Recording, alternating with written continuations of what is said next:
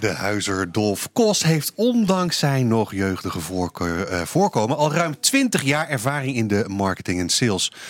Net na de eeuwwisseling groeiden zijn evenementen uit bureau uit tot een bedrijf dat jongensdromen waarmaakte.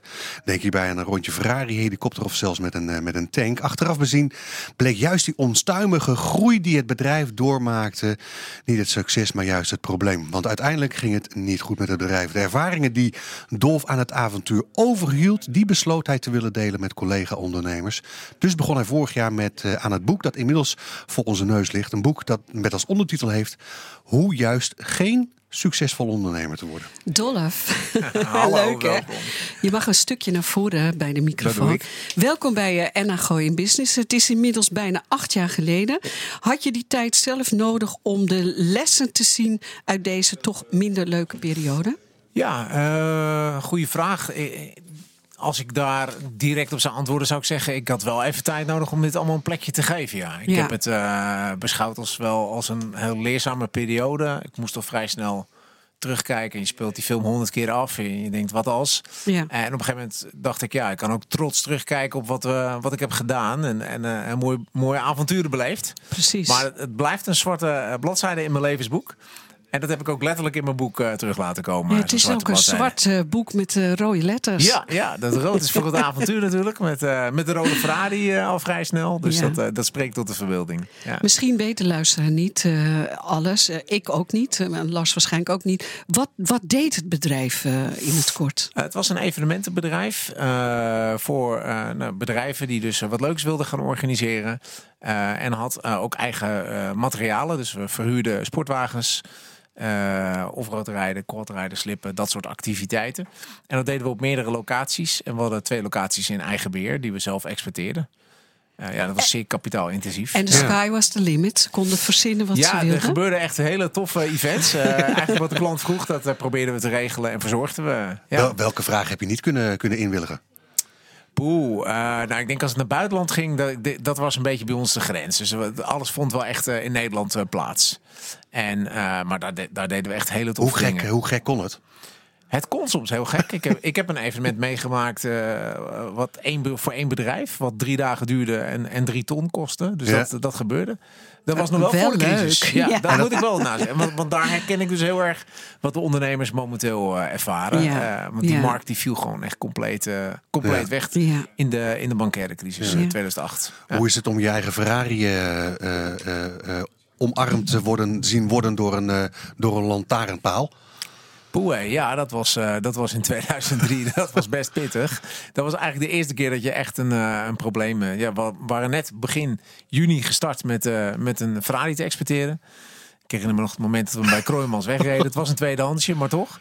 Uh, en zes weken later stond hij, uh, stond hij totaal los uh, tegen een paal. ja, dan, dan gaat er wel even een brokje door de keel. Maar gelukkig geen Wie had je hem uitgeleend? geleend? Het was een, een werknemer die, die zelf stuurde. En dat is helaas later nog wel eens een aantal keer fout gegaan. Want de werknemers, ja, soms dan denk je als instructeur al snel dat je het wel kan.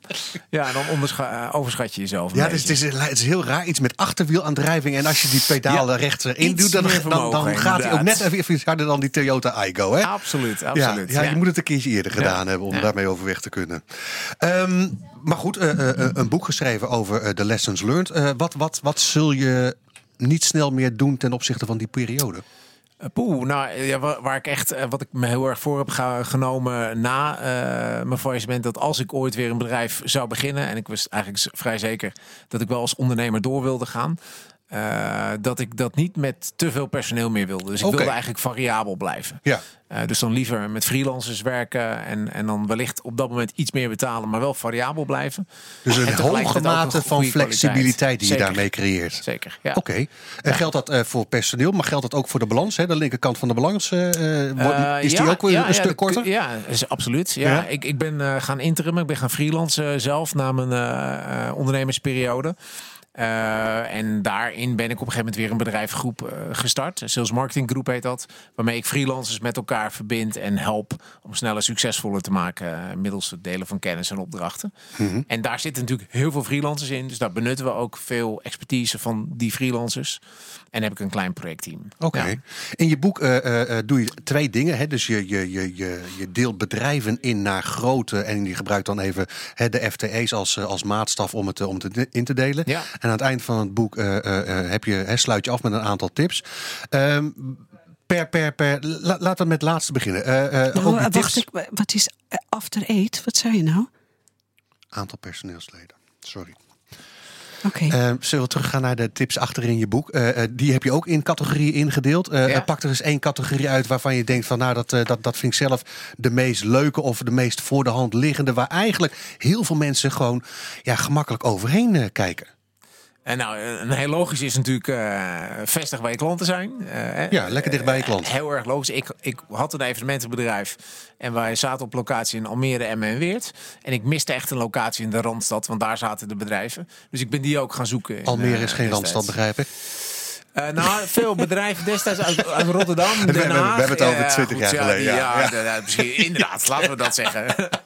Oké, okay, um, dus dat voor wat betreft klantperspectief. Uh, andere dingen vanuit het klantperspectief die belangrijk zijn? Nou, ik, ik, zou er nog eentje willen, willen noemen die ik uit de Pennywise Pound Foolish gebruik ik vaak. Van ja, je kan soms beter iets meer betalen, uh, maar dan kwaliteit, dan gaan voor de laagste prijs. En ondertussen de output niet goed. Dus daar, het gaat er niet om wat het kost, maar wat het oplevert, toch? Absoluut, absoluut. Het maakt me niet uit als het een miljoen kost, als het ja. een tien opleveren. Nee, inderdaad, je moet er vanuit output gaan, gaan leren denken. Ja. ja.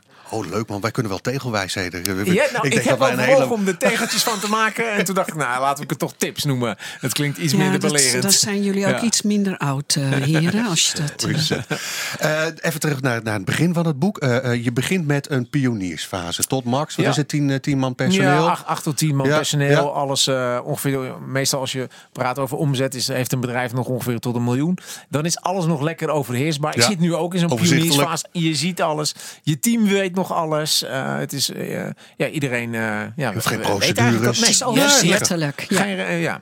Tot, tot je eigenlijk dan de volgende fase in, in groeit. De organisatiefase. En dan, ja, dan ga je ineens al rollen uit elkaar knippen. De dame die ervoor P&O en administratie wordt, dat worden twee aparte rollen. He, sales en marketing, ja, ga je ook uit elkaar halen. En ja, naarmate je dus verder groeit.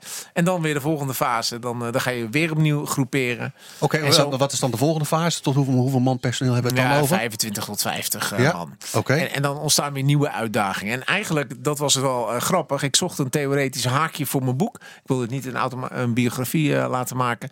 En ik kwam daar uh, via Enno Groeit achter.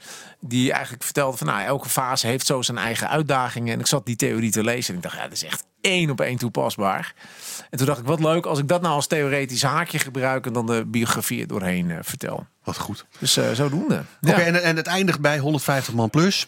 Ja, ik, ik heb Jitse Groen dit ook, uh, die en oh, ja, ja, ook horen vertellen. En die zegt, ja, daar eindigt het dus niet. Nee. Die is inmiddels de wereld rond met zijn takeaway en thuisbezorgd. Dus uh, ja, dit, dit gaat elke nieuwe fase heeft weer nieuwe uitdagingen. Ja. Maar voor het uh, gros van de ondernemers is. Maar toch uh, eventjes terug. Uh, zou je dan eigenlijk toch de juffrouw die de PR doet en secretaresse werkt, zou je dat toch dan bij elkaar willen houden? Nou, nou als je nog een mannetje of acht hebt, dan is het logisch dat, dat een persoon dat combineert, die rollen. Ja.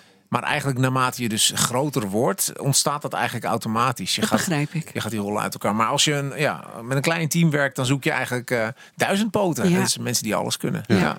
Dolf, het boek ligt voor je, maar het is nog niet officieel uh, gelanceerd. Nee, Nee, uh, 19 oktober dan uh, wordt het officieel gelanceerd. Uh, daar kun je je voor aanmelden op salesmarketinggroep.nl slash events. Ja. Um, online evenementje online dus evenementje ja. wordt het inderdaad, uh, helaas. Uh, maar wel heel tof. Uh, er komt een... Rode Ferrari voorrijden. had ook leuk geweest. Had leuk geweest. Nee, en, Kees de Jong gaat ons interviewen. Uh, is gerenommeerde ondernemer. En, en die interviewt uh, mij over dit boek. Uh, we gebruiken het ook als, een, als we zijn een boeklancering. En er is nog een ondernemer door wie ik eigenlijk geïnspireerd werd om het ook te gaan doen. Uh, dat is Ralf van Dam, die langs de afgrond heeft geschreven. En dezelfde schrijfster heeft beide boeken geschreven. Dus dat is het logische haakje. Moeten en we maken eigenlijk beide, bedanken, beide dingen. Wat zeg je? Linda maar even ja, bedanken dan. Linda moeten we zeker bedanken. Zonder Linda was dit boek er nooit gekomen.